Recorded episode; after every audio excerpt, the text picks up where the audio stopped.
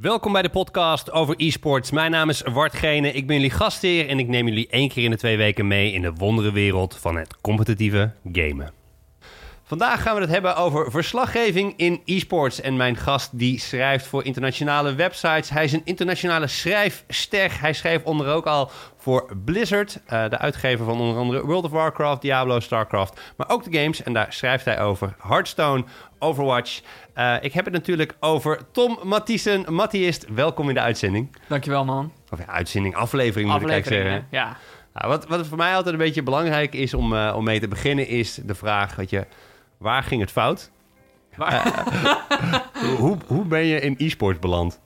Oh man, um, ja, ik ben ook in e-sports beland. Um, eigenlijk met Hearthstone, de game waar ik nu verslag uh, van doe eigenlijk. Ik begon het met spelen in december. Van, nou ja, het is 3,5 jaar geleden. Uh, dus dat is dan 2014. En toen... Ja, ik ben, ik ben altijd een persoon geweest die meteen naar het competitieve getrokken wordt. Dus ik wilde meteen, toen ik het leuk begon te vinden, weten wie de beste zijn. Dus ik googelde dat. Wie is de beste Hearthstone-speler? Ja. En uh, toen kwam ik bij een lijstje uit. Ik kom meteen bij toernooien. Ik ben in Twitch beland. En een paar maanden later, ik denk het was vijf maanden later, toen begon ik met schrijven voor Gozy Gamers. Wauw, dus jij bent echt gewoon heel snel daarop op afgedoken. Maar dat, dat, die liefde voor competitie, want je zegt ik ja. ga eigenlijk altijd heel snel op die competitie af. Ja. Zag je dat daarvoor ook al in andere dingen? Gewoon is dat iets, een, een rode draad in je leven dat je... Ja, ik ben wel, ik ben een ontzettend competitief persoon. Ja, ik... Ja, ik, ik, ik heb op voetbal gezeten, tennis altijd... Je hoeft niet te winnen, maar je moet wel alles geven om te winnen. En dat heb ik ook, dat heb ik ook wel als ik videogames speel. Uh, ik kan ik, videogames wel losser spelen, maar dat is een Heroes of the Storm, een spel wat me eigenlijk niet zo heel veel interesseert. Behalve als ik het met vrienden speel. Maar uh, anders is het wel echt uh, winnen. Ja, jij, jij bent gewoon wordt aangetrokken door de competitieve ja, games. Ja, zien wie de beste zijn en waarom ze de beste zijn. En Hearthstone was jouw eerste game waar je ook echt gewoon over ging schrijven. Ja, ja klopt. Um, het was eigenlijk het was in mijn eerste jaar van mijn studie. En ik wist niet zo goed wat ik ging doen met mijn leven. En daar zat ik een beetje mee van, ja, wat, wat ga ik nou doen? En toen ben ik naar mijn tutor gegaan. En ik zeg, luister meneer, meneer Wagemans. Um, er zijn veel mensen op mijn studie die al weten wat ze willen doen met deze studie. En ik heb nog geen idee. En hij zei, ja, hij is een ontzettend filosofisch persoon. Want welke studie is? Uh, ik deed uh, uh, Nederlandse taal en communicatie. Oké. Okay. Um, dat is, valt onder Nederlands en richt zich meer op de argumentatieve kant, zeg maar. En hij zei, ja, daar hoef je toch niet zo druk om te maken. Maar wat vind je leuk? En uh, ga daar dan eens mee wat doen. En toen een paar weken daarna zag ik een tweet voorbij komen van, van Gozy Gamers. Dat ze op zoek waren naar mensen die Hearthstone uh, wilden verslaan. En nou, dat ik dacht, nou, waarom niet? Een heel, echt een veel te nette mail geschreven. Ja, want uh, er was een tweet die gewoon vroeg van... Is er iemand geïnteresseerd hierin? Ja, Jij we zijn op zoek naar schrijvers. Ik dacht... Ik trek de stoute, stoute schoenen aan. Nee, ik dacht, dit is wel de kans om, om dat advies op te volgen. En ik, ja, de, de, toen is het allemaal... Uh, daar, daar ja. is het fout gegaan, ja. Je zegt, ik stuurde een mail en toen? Ik ben wel gewoon benieuwd hoe dat gegaan oh, is. Oh, ja, nou ja, ik stuurde dus een ontzettend nette mail met een, met een uh, ja, Engelse tekst die ik had geschreven voor de Unie ook. Um, erbij. Uh, dear Mister, weet ik wat allemaal. En de eerste e-mail die ik terugkreeg was van, zeg maar, niet Mister, zeg maar gewoon Rado, dat is mijn naam. En uh, we zijn allemaal vrienden hier binnen eSports. En toen, ja, toen nog een keer van, oké okay, Rado, weet je wel, nou, uh, laat maar wat van, horen wat je ervan vindt. En dan zeg je, ja, het is goed. Oké. Okay. En toen, ik denk één week of twee weken later, toen zat ik, um, was, zat ik bij mijn oma's verjaardag. En toen uh, keek ik op Skype en toen, toen, was het zo van... Hier is het eerste stuk waar je over moet schrijven. En ik kreeg een paniekaanval van... Ja, shit, ik zit bij mijn oma, weet ik wat allemaal. Dus toen heb ik gezegd... Mag ik uw computer gebruiken? toen heb ik meteen... Op de... Op de... ja.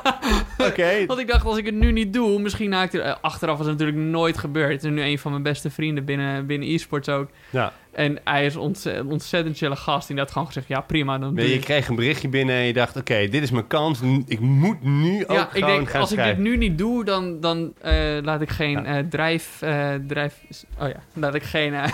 geen ja, niet, niet zien dat ik de drive heb om te werken, weet je wel. Dus En, en toen heb ik dat meteen maar getikt. Dus eh, ik heb nog een keer een paar keer teruggelezen, een paar jaar later. Het is echt verschrikkelijk. dus je hebt je een beetje eh, druk gemaakt om niks. Het is zo slecht geschreven. Maar ehm, ja, achteraf, ik weet niet. Ik denk dat het wel ook duidelijk heeft gemaakt aan, die, uh, aan, aan Rado dan destijds. Van oké, hij, hij pakt. Hij weet van pakje aan, weet je wel. Ja, je was gewoon aanpakken. Um, we hebben het de hele tijd al een beetje over Go Ghost of Gamers. Uh, Voor iedereen die het niet kent, uh, wat is het voor website en wat voor positie heeft het in de markt? Um, Gamers is een website die zich heel erg richt op het bijhouden van statistieken. Um, dus daar zijn ze ook het meest bekend bij. Ze hebben ook een Ghosty Rankings, dus gebaseerd op uh, hun matchticker, waarin je alle wedstrijden live kan volgen, hebben zij rankings. Um, en daarnaast deden ze dan ook artikelen. Um, om eigenlijk was het idee een beetje: mensen lezen die artikelen, zien dat er een matchticker is en daarvoor blijven ze. En dat is, ja, het is, het, het vind ik jammer om te zeggen, maar een jaar geleden of zo, iets meer dan een jaar geleden, toen besloot de directie om een andere weg in te slaan. Echt volledig te richten op statistieken. Um, en als content meer samenvattende artikelen te hebben die samenvatten wat, wat andere websites hebben geschreven. En toen zijn heel, echt heel veel mensen weggegaan uh, ja. van de editorial. Ze gingen meer investeren op data dan ja, op echt klopt. content. Ja. En uh, heb je een idee voor wat de reden daarvoor zou kunnen zijn? Omdat dat meer opbrengt. Um, binnen e-sports en ik denk uh, überhaupt is journalistiek, daar verlies je geld op. Omdat um, ja, je, je kan er vrij weinig mee verdienen direct. Hè? Dat, je kan klikken op een artikel en dan, hebben, en dan krijg je misschien wat ad revenue binnen. Maar dat is, het is vrij weinig. Um, en daarom wordt meestal uh, journalistiek wordt gebruikt ter promotie van iets anders. Hè? Dus dat, dat, bij, binnen Gozy Gamers was dat die database. Hè? Ja. Mensen lezen een artikel. Denken, oh, wat is nog meer op deze website? Dus een beetje vooruitlopend over waar we het straks meer over gaan hebben, denk ik, in verslaggeving. Het businessmodel is, uh, is niet per se sluitend. Dus het is gewoon een verlies. Of er is nog geen misschien goed businessmodel voor uh, ja, verslaggeving over voor e-sports. Is dat een beetje. Ja, ja, ik denk wat je hebt bijvoorbeeld bij gewone journalistiek, weet je, die, die uh, zoals de Volkskrant, die krijgen ook een deel subsidie om hun werk uit te voeren, volgens mij. Uh, de, de Volkskrant en NRC en zo, die krijgen allemaal... Het... Krijgen ze subsidie of is het allemaal uit, uit uh, abonnementsgelden? Volgens mij krijgen, worden, ze, worden ze gesubsidieerd. Dat weet ik niet 100% zeker, maar okay, dat, maar denk daar ga je vanuit. Ja. ja. om de journalistiek een beetje in, in leven te houden. En... Je hebt natuurlijk wel de, de NOS, dat is natuurlijk... Uh, dat is van de overheid. Ja. Dat wordt direct gefinancierd. Maar nou ja, als je dan daar, daar dat, dat is inderdaad, hè, daar heb je een geldbron achter staan. En binnen e-sports uh, heb je echt. Je, binnen e-sports zijn er geen of bijna geen totaal onafhankelijke journalistieke websites. Ja, dus eigenlijk heb jij een partij nodig, zoals uh, een Blizzard, uh, die een evenement organiseert en die daar gewoon een stukje verslaggeving van wil hebben of beschrijving over wil hebben van wat er gebeurt, wat er, aan de, wat gaande is, überhaupt dat dat naar buiten komt. Dus eigenlijk dat jij verwoordt wat er plaatsvindt. Um, op een locatie? Of? Nou, nou, ik heb het meer over dat, om een website staande te houden. Oké, okay, om een website maar, staande ja, te houden. Ja. Want als je... Um, je, hebt, je, je had Slingshot Esports een tijdje geleden. Dat is een website en die met het oog op echt compleet onafhankelijk journalistiek deden fantastisch werk. Hadden een Patreon en dat soort dingen allemaal. En dat, heeft, ja, dat, dat is gewoon stuk gelopen. Omdat mensen niet genoeg uh, wilden geven voor die journalistiek. Um, maar als je kijkt naar uh, waar ik nu voor schrijf, je hebt uh, Hearthstone Topdecks. Dat, wordt dan, dat zit dan bij een ZAM-network, wat een ontzettend grote organisatie is met allemaal verschillende outlets binnen gamen. Um, en dan heb je Cybersport, waar ik uh, over Artifact schrijf voor ze. En dat, dat zit bij ES Force. En die hebben dan weer bijvoorbeeld Team Virtus Pro. Dat is, dat, weet je, dat, dat is dan ja. weer een moederbedrijf daarachter. En daar zitten allemaal weer Russische oliemagnaten achter. Ja, dus het is eigenlijk... Bij dat soort dingen moet het onderdeel zijn van een, ander, van een, van een groter geheel. Uh, ja. Wat je zegt. Ja, en ik heb graag dat het niet meer zo is. Want ik heb... Ik, weet je, als ik... Ik heb ook gezegd tegen uh, bijvoorbeeld Cybersport toen ik daarvoor gevraagd werd. Dus ik vind het helemaal prima om verslag te doen van Artifact en de e-sports uh, zodra, die, zodra het spel uitkomt. Maar ik ga, ik ga niet mezelf het zwijgen op laten leggen. Zodat ik geen nare dingen kan schrijven mocht er iets met Virtus Pro gebeuren bijvoorbeeld. Ja, ja, dus, ja, precies. Ja, je hebt dan natuurlijk altijd wel weer die politieke uh, lagen ja, erin zitten. Dat, dat weet je, dat er een, een belangenverstrengeling is. Ja. Ik, dat ga ik niet doen. En, um, we hebben, ik heb toen een tijdje terug twee interviews met ze afgenomen. Eentje met de general manager van hun uh, e-sports team en eentje met uh, een speler die ze gecontracteerd had. En die manager die had in zijn interview, in zijn audio-opname, dingen gezegd die hij helemaal niet mocht zeggen. Die waren nog niet voor het publiek uh, bestemd, zeg maar. En toen kreeg ik dus terug te horen, ja, uh, van uh, Rado, die nu ook weer mijn uh, supervisor is, maar dan mijn andere website. Um, ja, ze hebben dit liever dat je dit verwijdert. je hoeft het niet te doen. Dat heb ik ook tegen ze gezegd.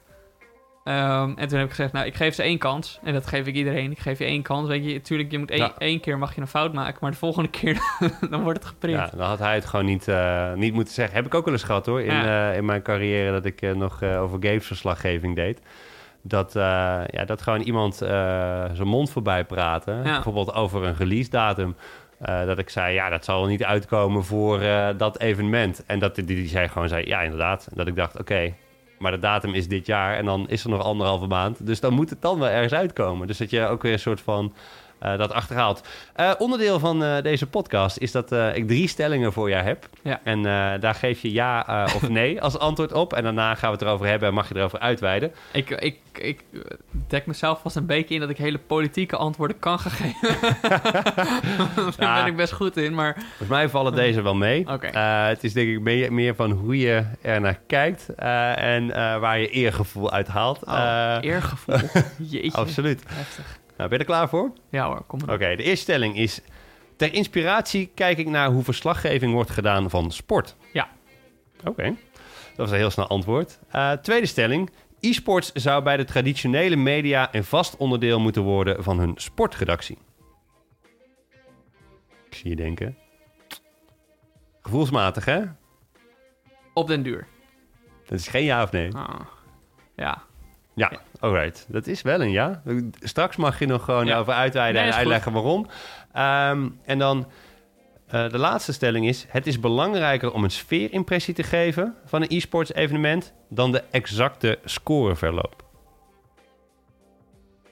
Het is belangrijker om een sfeerimpressie te geven... Ja, dan... De scoreverloop. Ja, stel je voor... Nee. Oké, nou dat ben ik heel... heel... ik heb juist uh, andersom. Dus ik ben, okay. uh, ben heel benieuwd naar, uh, naar je uitleg. Maar laten we even gaan naar de inspiratie. Ik ben sowieso wel in, ja, gewoon benieuwd waar haal je je inspiratie vandaan? heb je iemand die, ja, waar, waar je naar opkijkt of waar je van denkt... hé, hey, daar heb ik gewoon heel veel van geleerd. Dat ik daar veel van gelezen of gezien heb? Um, ja, nou ja, wat ik probeer te doen um, qua inspiratie... Ik vind het soms heel erg moeilijk om te beginnen met een artikel...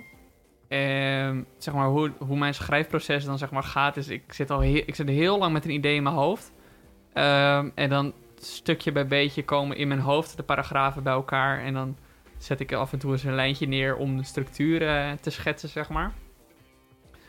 Um, maar soms, weet je, inspiratie. Je hebt ontzettend goede verslaggevers, uh, journalisten binnen e-sports. Jacob Wolf, die werkt bij ESPN. Uh, dus dat is echt gewoon een ja, Amerikaans sportzender. Die, die investeren heel veel in de grote e-sports. En daar heb je Jacob Wolf, een ontzettend goede journalist daar.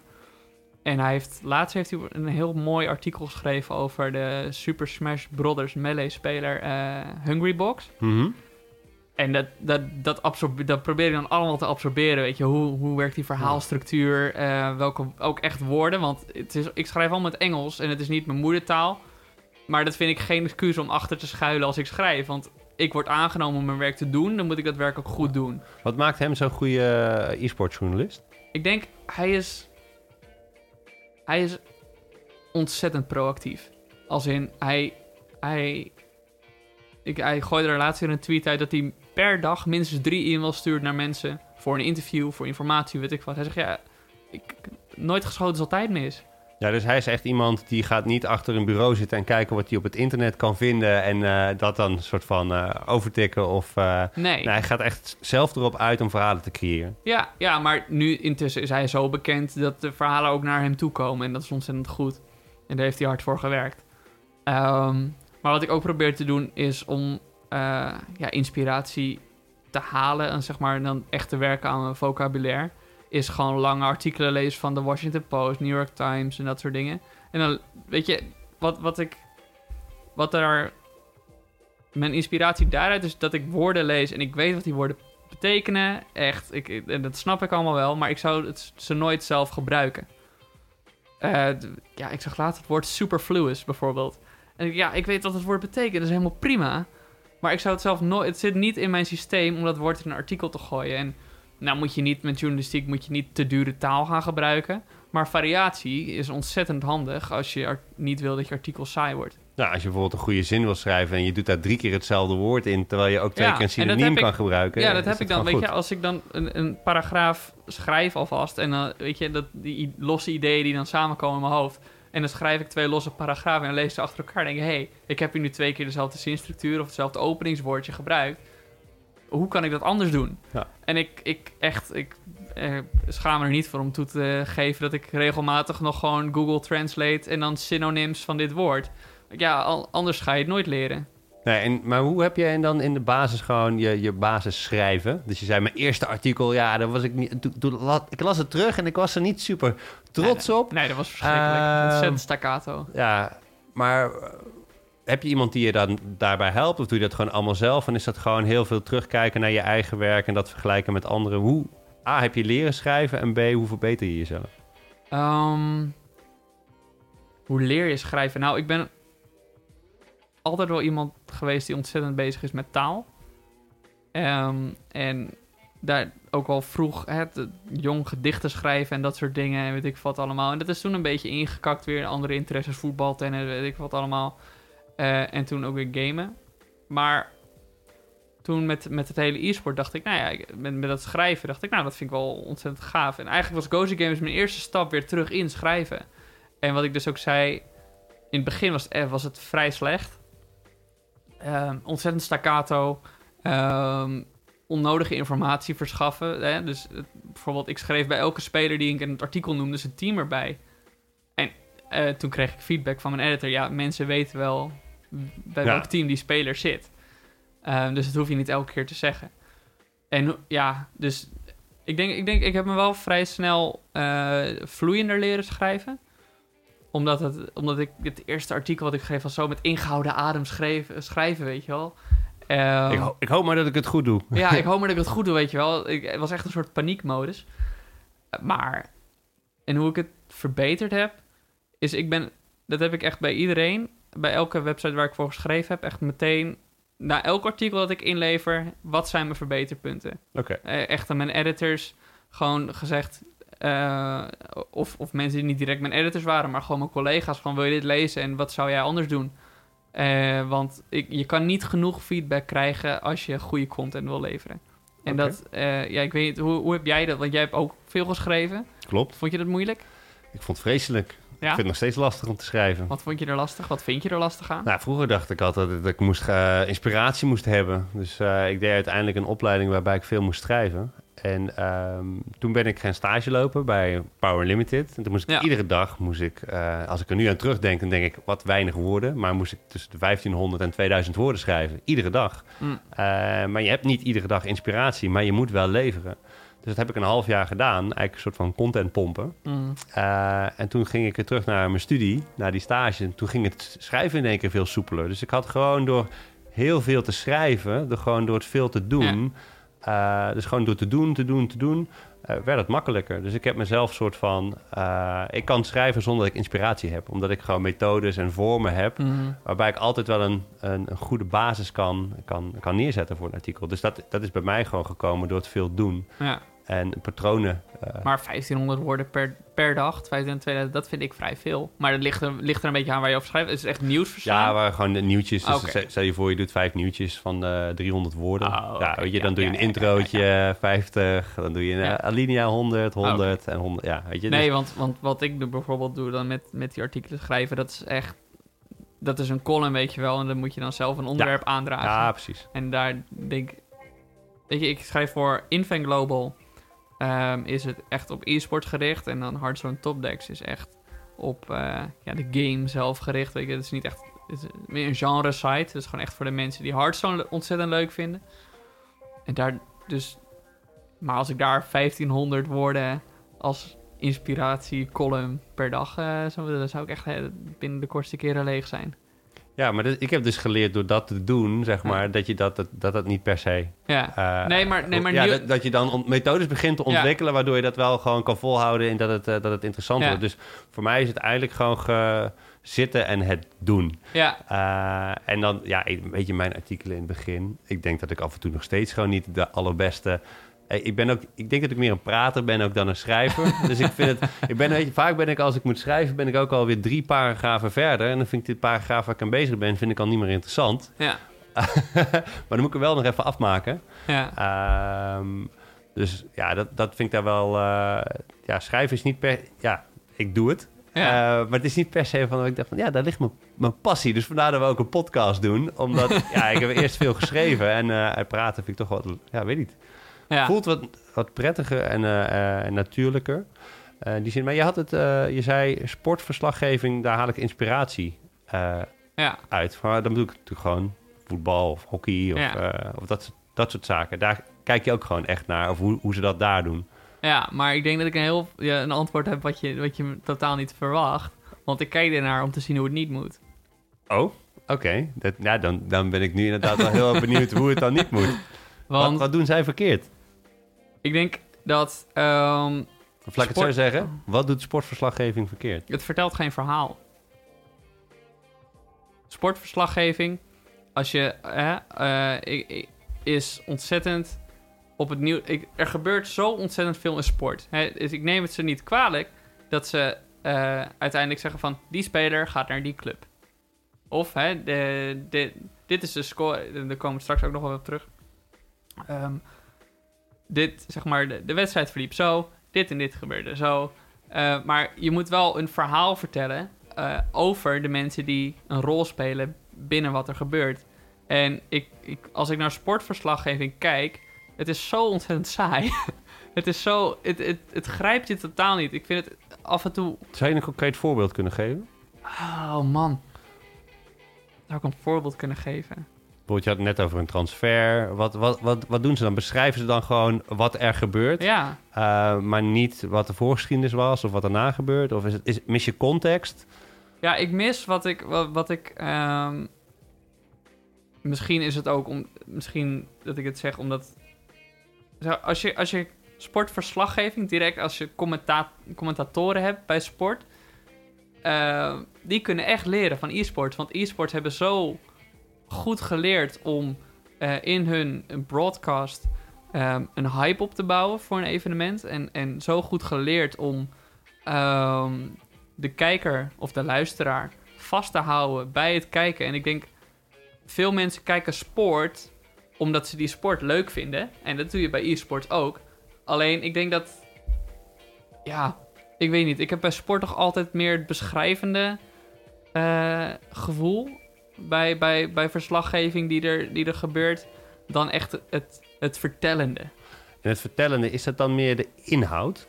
Dus eh, Ja. meer achtergrond? Ja. Of Ja, ik weet...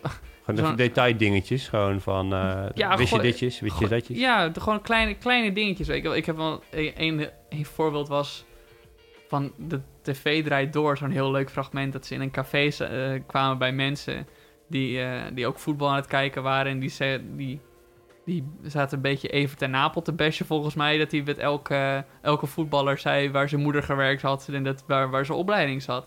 En, maar ik denk dat je ook content om eh, het sportevenement zelf heen, dat er veel meer gedaan kan worden aan verhaalvertelling. En zijn dat dan niet bijvoorbeeld als je kijkt naar een, eh, een NOS, die gaat natuurlijk dan bij de Olympische Spelen. Dan heb Mhm. je natuurlijk zo'n studio-item dat de mensen te gast zijn, dat je erover praat. Ja, Uh, maar je bedoelt dan voornamelijk tijdens de wedstrijd dat ja, bijvoorbeeld niet verteld wordt waarom bijvoorbeeld dingen zijn zoals ze zijn. Maar gewoon dat ze zo zijn. Dat is heel abstract, dat snap ik. Maar bijvoorbeeld uh, de bal gaat van Jantje naar Pietje. Maar niet bijvoorbeeld ze spelen 4-3-3 en de andere spelen 4-2-2. Uh, wat Ja. ik heel interessant vond aan het Belgische elftal... er was een artikel uh, dat ik las dat zij met een databedrijf samenwerkten... om hun, hun opstelling en, en formatie en zo te, te bekijken. En dat ze dus heel bewust uh, Lukaku, een, een spits, de Mhm. Belgische spits, dat ze die rechtsvoor hadden neergezet. Uh, waarschijnlijk op basis van data. Uh, en dan meden ze daardoor ook wedstrijden winnen, omdat ze bepaalde inzichten daaruit halen. ja. En, en dat zou ik ook graag meer hebben in. Uh, Ja, ik denk dat je dat bij, bij, bij sport is het. Ze, ze blijven vrij erg aan het oppervlak. is dat niet ook iets wat bijvoorbeeld zo'n Pieter Zwart, volgens mij heet hij Pieter Zwart, zo'n datajournalist. Die zat toen bij, uh, bij het. Uh, ja, die een beetje verketterd wordt binnen de voetbalindustrie, volgens Ja. mij. Uh, omdat zij allemaal. ja, nou, ik vind. Ik, wat, dat, en als ik dan kijk vanuit de e-sports naar wat hij aan het doen is, dan denk ik, ja, hij brengt wel een nieuwe laag erin. Ja, en ik denk dat die dat, ik wel zou willen. Dat, dat mis ik zo ontzettend als ik een sportevenement kijk. Ik moet zeggen, dat ik kijk. Hoeft niet altijd, maar. Uh, nee, het hoeft niet altijd. Nee, zeker niet. Maar ik heb nu een vrij oppervlakkige uh, ja, even, sportevenement.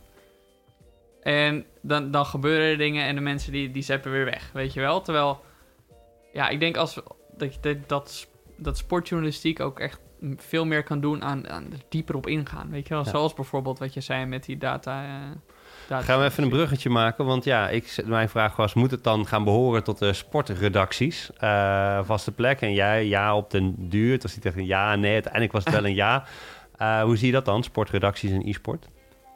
Ja, ik denk dat e-sport en sport, um, dat dat echt een, dat een wat oudere generatie, of niet, niet per se oudere uh, generatie, maar laten we het zo zeggen, niet ingewijde mensen of mensen die er niet bekend mee zijn, als ze de term e-sport zien, het eerste wat ze doen is met sport vergelijken, want er zit sport in de naam. En ik denk dat de, de titel e-sport, dat het misschien wat onfortuinlijk is. Uh, het, het is zo gegroeid en zo, zo gaan dingen met taal. Mensen, uh, mensen denken niet hard na over wat ze nou zeggen. Mm -hmm. uh, of waar ze termen aan geven. Uh, het groeit gewoon zo binnen een gemeenschap. En op een gegeven moment denken mensen: ja, dit bek lekker, weet je, dat, dat gaan we doen.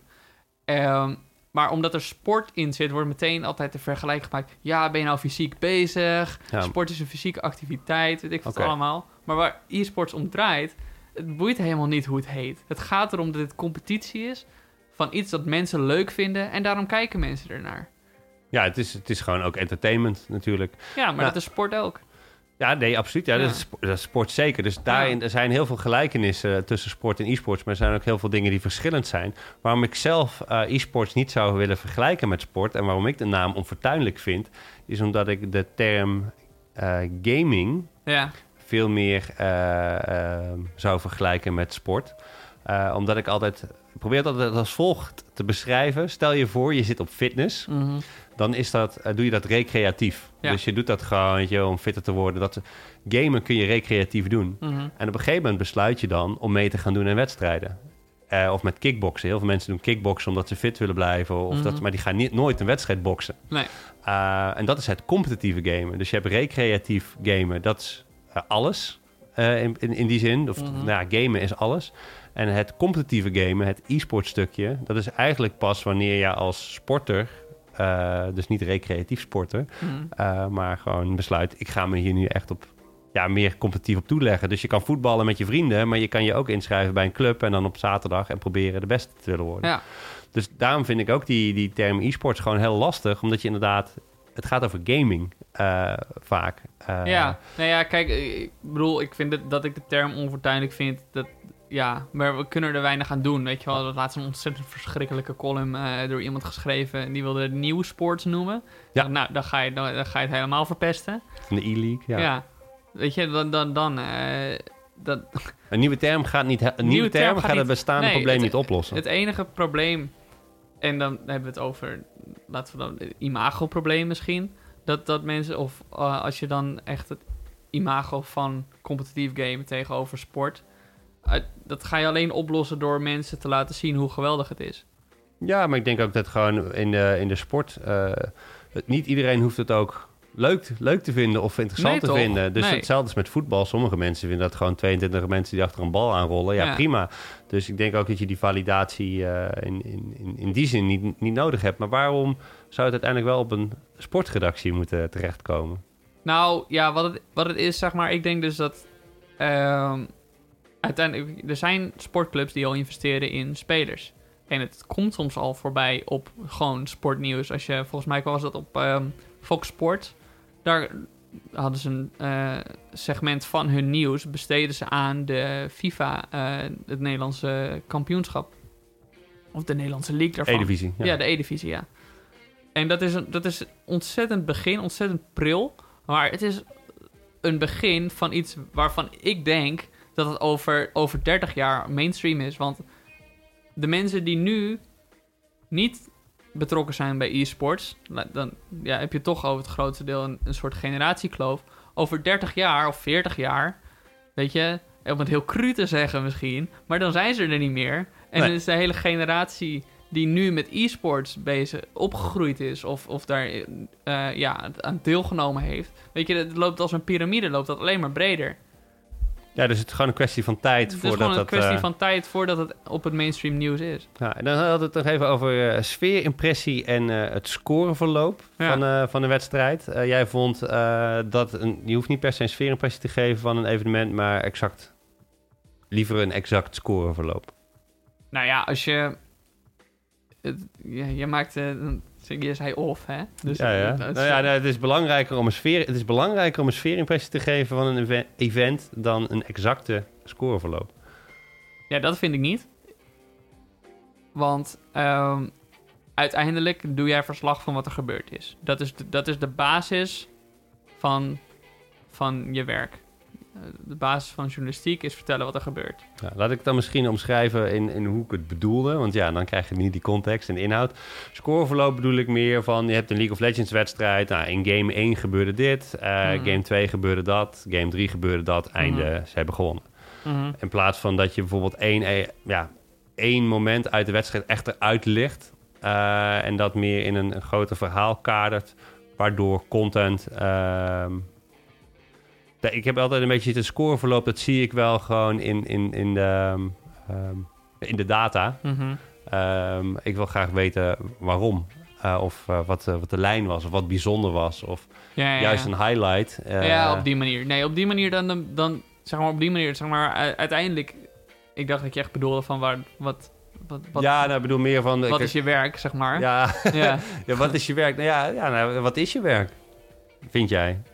Mijn, wat mijn werk is. Ja, wat, wat, houdt je, wat houdt verslaggeving van e-sport, wat houdt dat in? verslaggeven van e-sports houdt in dat je. Nou, dus echt over puur verslaggeven hebben, want ik schrijf natuurlijk ook andere stukken. Maar verslaggeven van e-sport gebeurt. Dat, daar, daar vertel je de mensen en leg je uit wat er gebeurd is.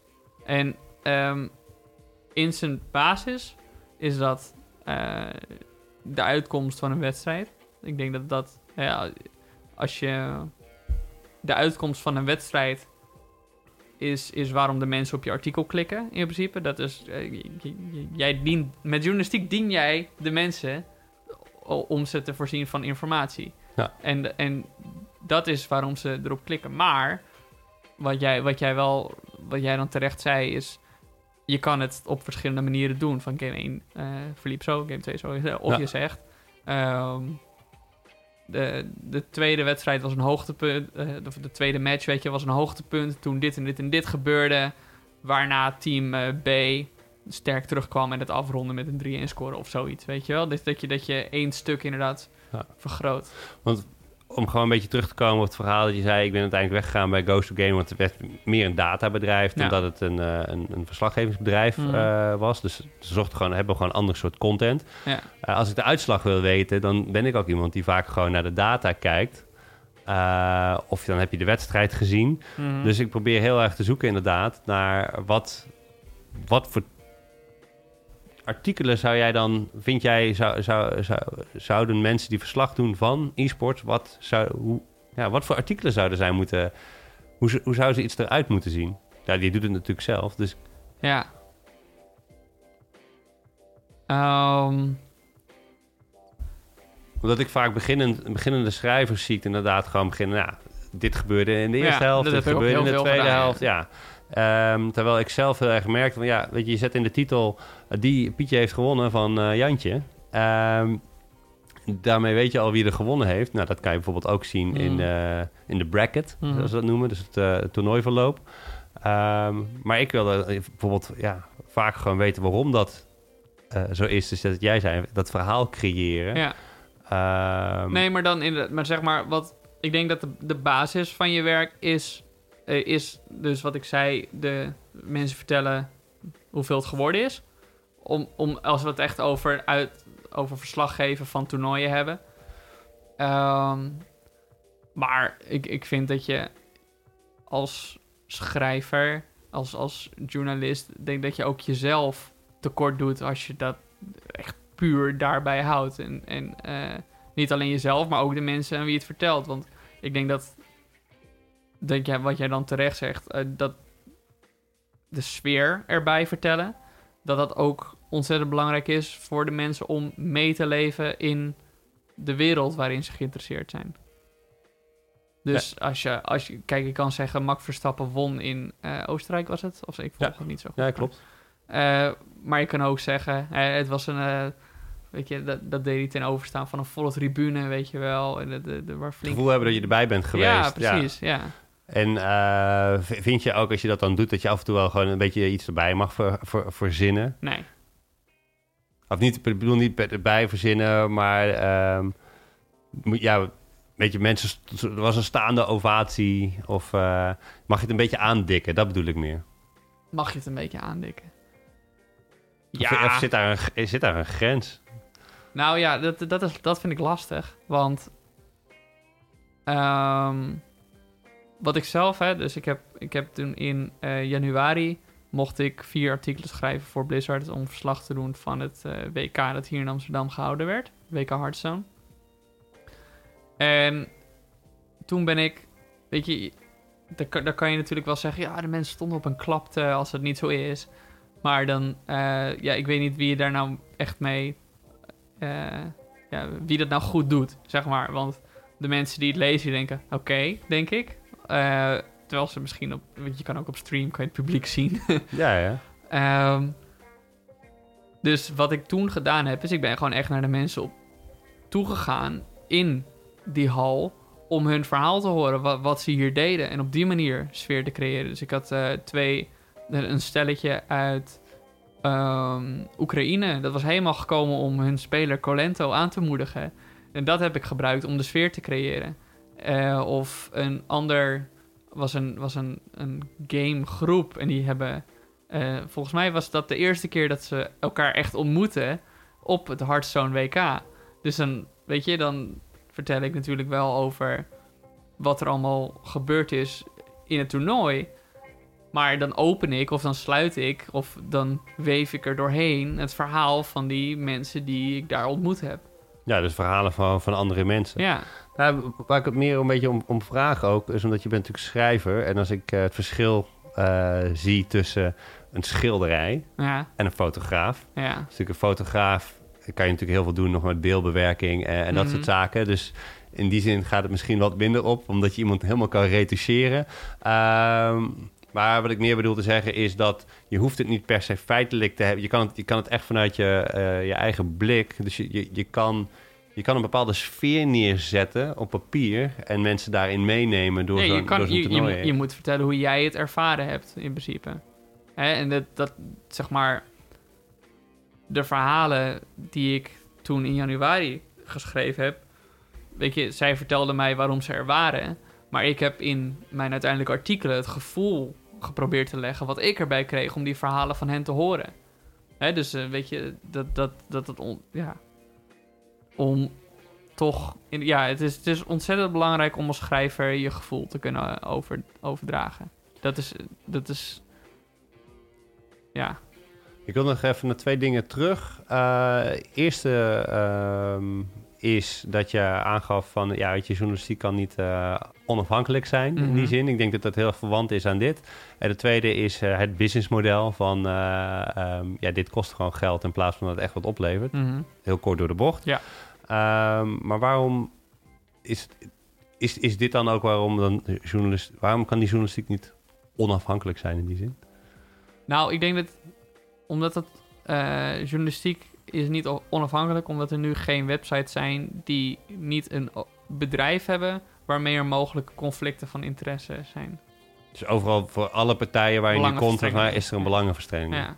Zelfs ESPN, die hebben een contract met Riot Esports. Omdat zij verslag mogen doen ja, van... Van, uh, van de League of Legends. Ja. En, nou, weet je, ik volg League of Legends niet goed genoeg om echt... Uh, ik volg het echt totaal niet, dus nou, dat is ook niet goed genoeg. Maar, ja, ja. maar um, ja, Waarom je, is het een probleem, die belangenverstrengeling? Omdat je nooit zeker weet of iets uh, um, geredigeerd is of, of niet. Dus dat zou je dan willen redigeren? Ja, dat weet ik niet. Maar als bijvoorbeeld ESPN verslag wil doen over iets wat League of Legends eigenlijk, of, uh, of Riot eigenlijk nog helemaal niet naar buiten wil hebben, of dat er een. een dan weet je niet 100% zeker of er niks veranderd uh, is aan het verhaal. Ja. Dan ga ik toch doorvragen. Waarom, waarom, is het, waarom is het belangrijk dat er niks veranderd wordt aan het verhaal dan? Omdat uh, je wil als uh, journalistiek zijn de feiten zijn, uh, moet je vertellen. Alleen als journalist moet je, kan je ook jouw mening over die feiten meedragen. Maar de feiten moeten feiten blijven. En, en um, als, ik, als ik een artikel schrijf over iets wat ik, wat ik dan gehoord heb, of weet ik wat allemaal, weet je, dan, dan de feiten, die vertel ik. Maar ik kan er ook bij vertellen hoe ik vind dat ze overkomen. Maar dan is het wel belangrijk dat men weet dat het mijn mening is. Ja, doe je ook veel bronnen uh, navraag? Dus als je bijvoorbeeld iets, iets hoort dat je probeert te checken bij een bron... of de, de hoor, wederhoor, probeer jij journalistiek te werk gaan... of laat je dat dan, omdat je toch belangenverstrenging hebt in, in die zin, een beetje vieren? Nou, als ik iets hoor, dan probeer ik het altijd te verifiëren. Ja. Ja, want ik sowieso... Kijk, ook al vertrouw ik één iemand nog zo goed... ik ga het niet op papier zetten totdat ik bevestiging heb gekregen van iemand anders... die het ook zou kunnen weten. Dus je gaat wel even checken voordat je ze opschrijft. Ja, maar ook... Um, ja, en niet alleen dat, maar wat jij zegt... is ook of je, of je hoor en wederhoor... dat, zeg maar... Ik schrijf dus ook veel columns of, uh, ja, of opiniestukken... hoe je het wil noemen allemaal. Um, daar een hele tijd, een hele tijd, een tijdje terug deed ik een evaluatie van het Hearthstone competitief systeem in 2018. Dat is dus vrij, uh, vrij uh, uh, radicaal vernieuwd ten opzichte van vorig jaar. Ja. En um, ik dacht, nou, ik schrijf een stuk waarin ik evalueer hoe dat vanuit mijn optiek tot nu toe verlopen is. En daar had ik allemaal sterke meningen over.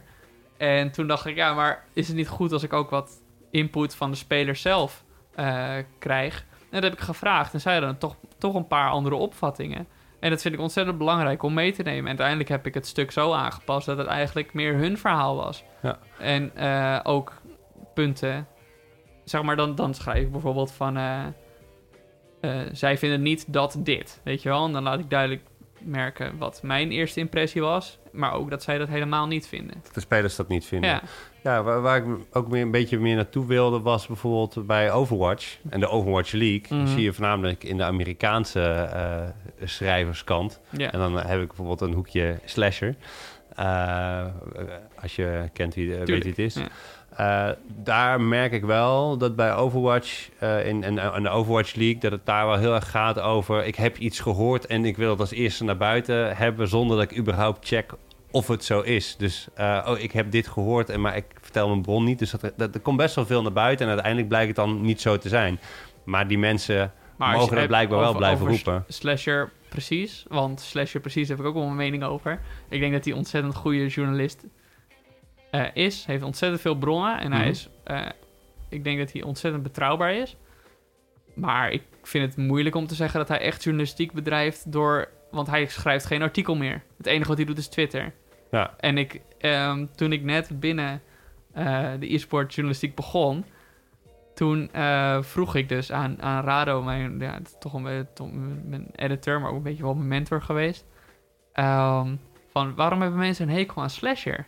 En hij zei ja, omdat hij geen artikelen schrijft. Ik dacht, nou ja, het zal wel. En nu erger ik me mateloos aan zijn Twitter-gedrag. Want hij ondermijnt wel eh, wat andere mensen proberen te doen met hun werk. Zeg maar, want als je iets al op Twitter hebt gelezen, weet je wel, dan hoef je niet een uitgebreid artikel nog over te lezen. Maar hij vat, hij vat nieuws samen in een tweet. Wat Mhm. voor de mensen ideaal is, maar voor, de, voor journalistiek niet goed is. Waarom is dat niet goed? Omdat het- dat je dan de, de, de context mist? Of? Nou, omdat ehm, ik denk wat, wat ik journalistiek eh, gaat ehm, ook om dat verhaal vertellen.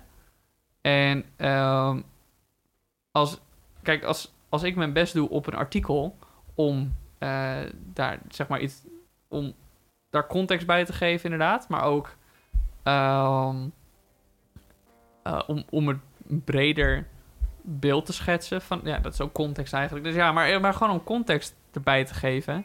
Het is gewoon een tweet en daar staat wat in. En misschien zit er een hele historie voor, maar hij neemt dan niet de moeite om Nee, dat. nee, en dat is, weet je, dat is voor hem ontzettend luxe dat hij dat kan doen. Gewoon een tweet eruit gooien en iedereen heeft het erover.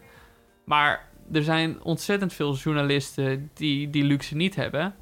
Bijna allemaal. Misschien zijn er vier in heel e-sports die die luxe wel hebben. En hij, ehm, hij maakt de mensen daarmee lui. Oké, dat vind ik een interessante. interessant. Mensen zijn al ja. lui. Ja, nee, absoluut. Ja, maar je, je- maar er is één grote competitie gaande over de aandacht van mensen. Ja. Eh, en dan komen we inderdaad nog even bij dat, het businessmodel. Want je zei, ja, er is dus geen enkele partij die soort van onafhankelijke partij. Iedereen heeft belangenverstrengeling. En je kan eigenlijk gewoon geen pepernoot verdienen als je nu een website opzet en je gaat over e-sport schrijven. Nee, daar maak je heel veel verlies mee. Ehm, hoe, zou, hoe zou het bijvoorbeeld wel... Ja, waarom werkt dat niet? Want bedoel, er zijn heel veel mensen die zeggen van... ja, begin nou een website en eh, we moeten over e-sports gaan schrijven... of er moet verslaggeving, Mhm. of eh, laten we media gaan maken over... Ja. Ik heb best wel veel vragen gekregen van... oké, we moeten over eh, e-sports gaan schrijven. Want, Ja, nou zeker doen. Want kijk, hoe meer mensen. kijk, hoe groter het wordt, hoe meer eruit te halen is natuurlijk. Hè, en, en als jij. Mensen kunnen soms denken: ja, ik ga wachten tot het groot is en dan stap ik in. Hè, want dan, maar je kan er ook aan gaan werken om het groot te maken. Hè, en dan, eh, zeg maar, de, de, hoe heet dat? Eh, eh, reap the seeds you sowed of zoiets. eh. Ja, je- dan kan je oogsten wat je gezaaid hebt. Nou, dat Ja. ja.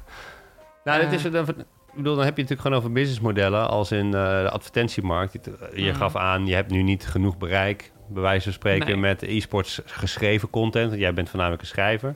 eh, om daar advertenties op te draaien en eh inkomsten Nou ja, uit te hebt, halen. kijk, je hebt ehm, specifieke sponsoren, hè, zoals ehm, eh, Intel, Mhm. eh, dat, die gewoon ontzettend veel baat hebben bij hun product promoten, eh, door het direct aan hun publiek te tonen eigenlijk. Ja. Hè? Wordt het, maar is het ook niet veel lastiger dat er veel meer ehm, verschillende contentmakers zijn? Vroeger had je een beetje best wel, weet je, deze persoon die maakte bijvoorbeeld video, of, maar nu is iedereen is een soort van contentmaker. Ja, Met bijvoorbeeld een Twitter-kanaal, maar je hoeft niet meer per se ergens naartoe om het te lezen.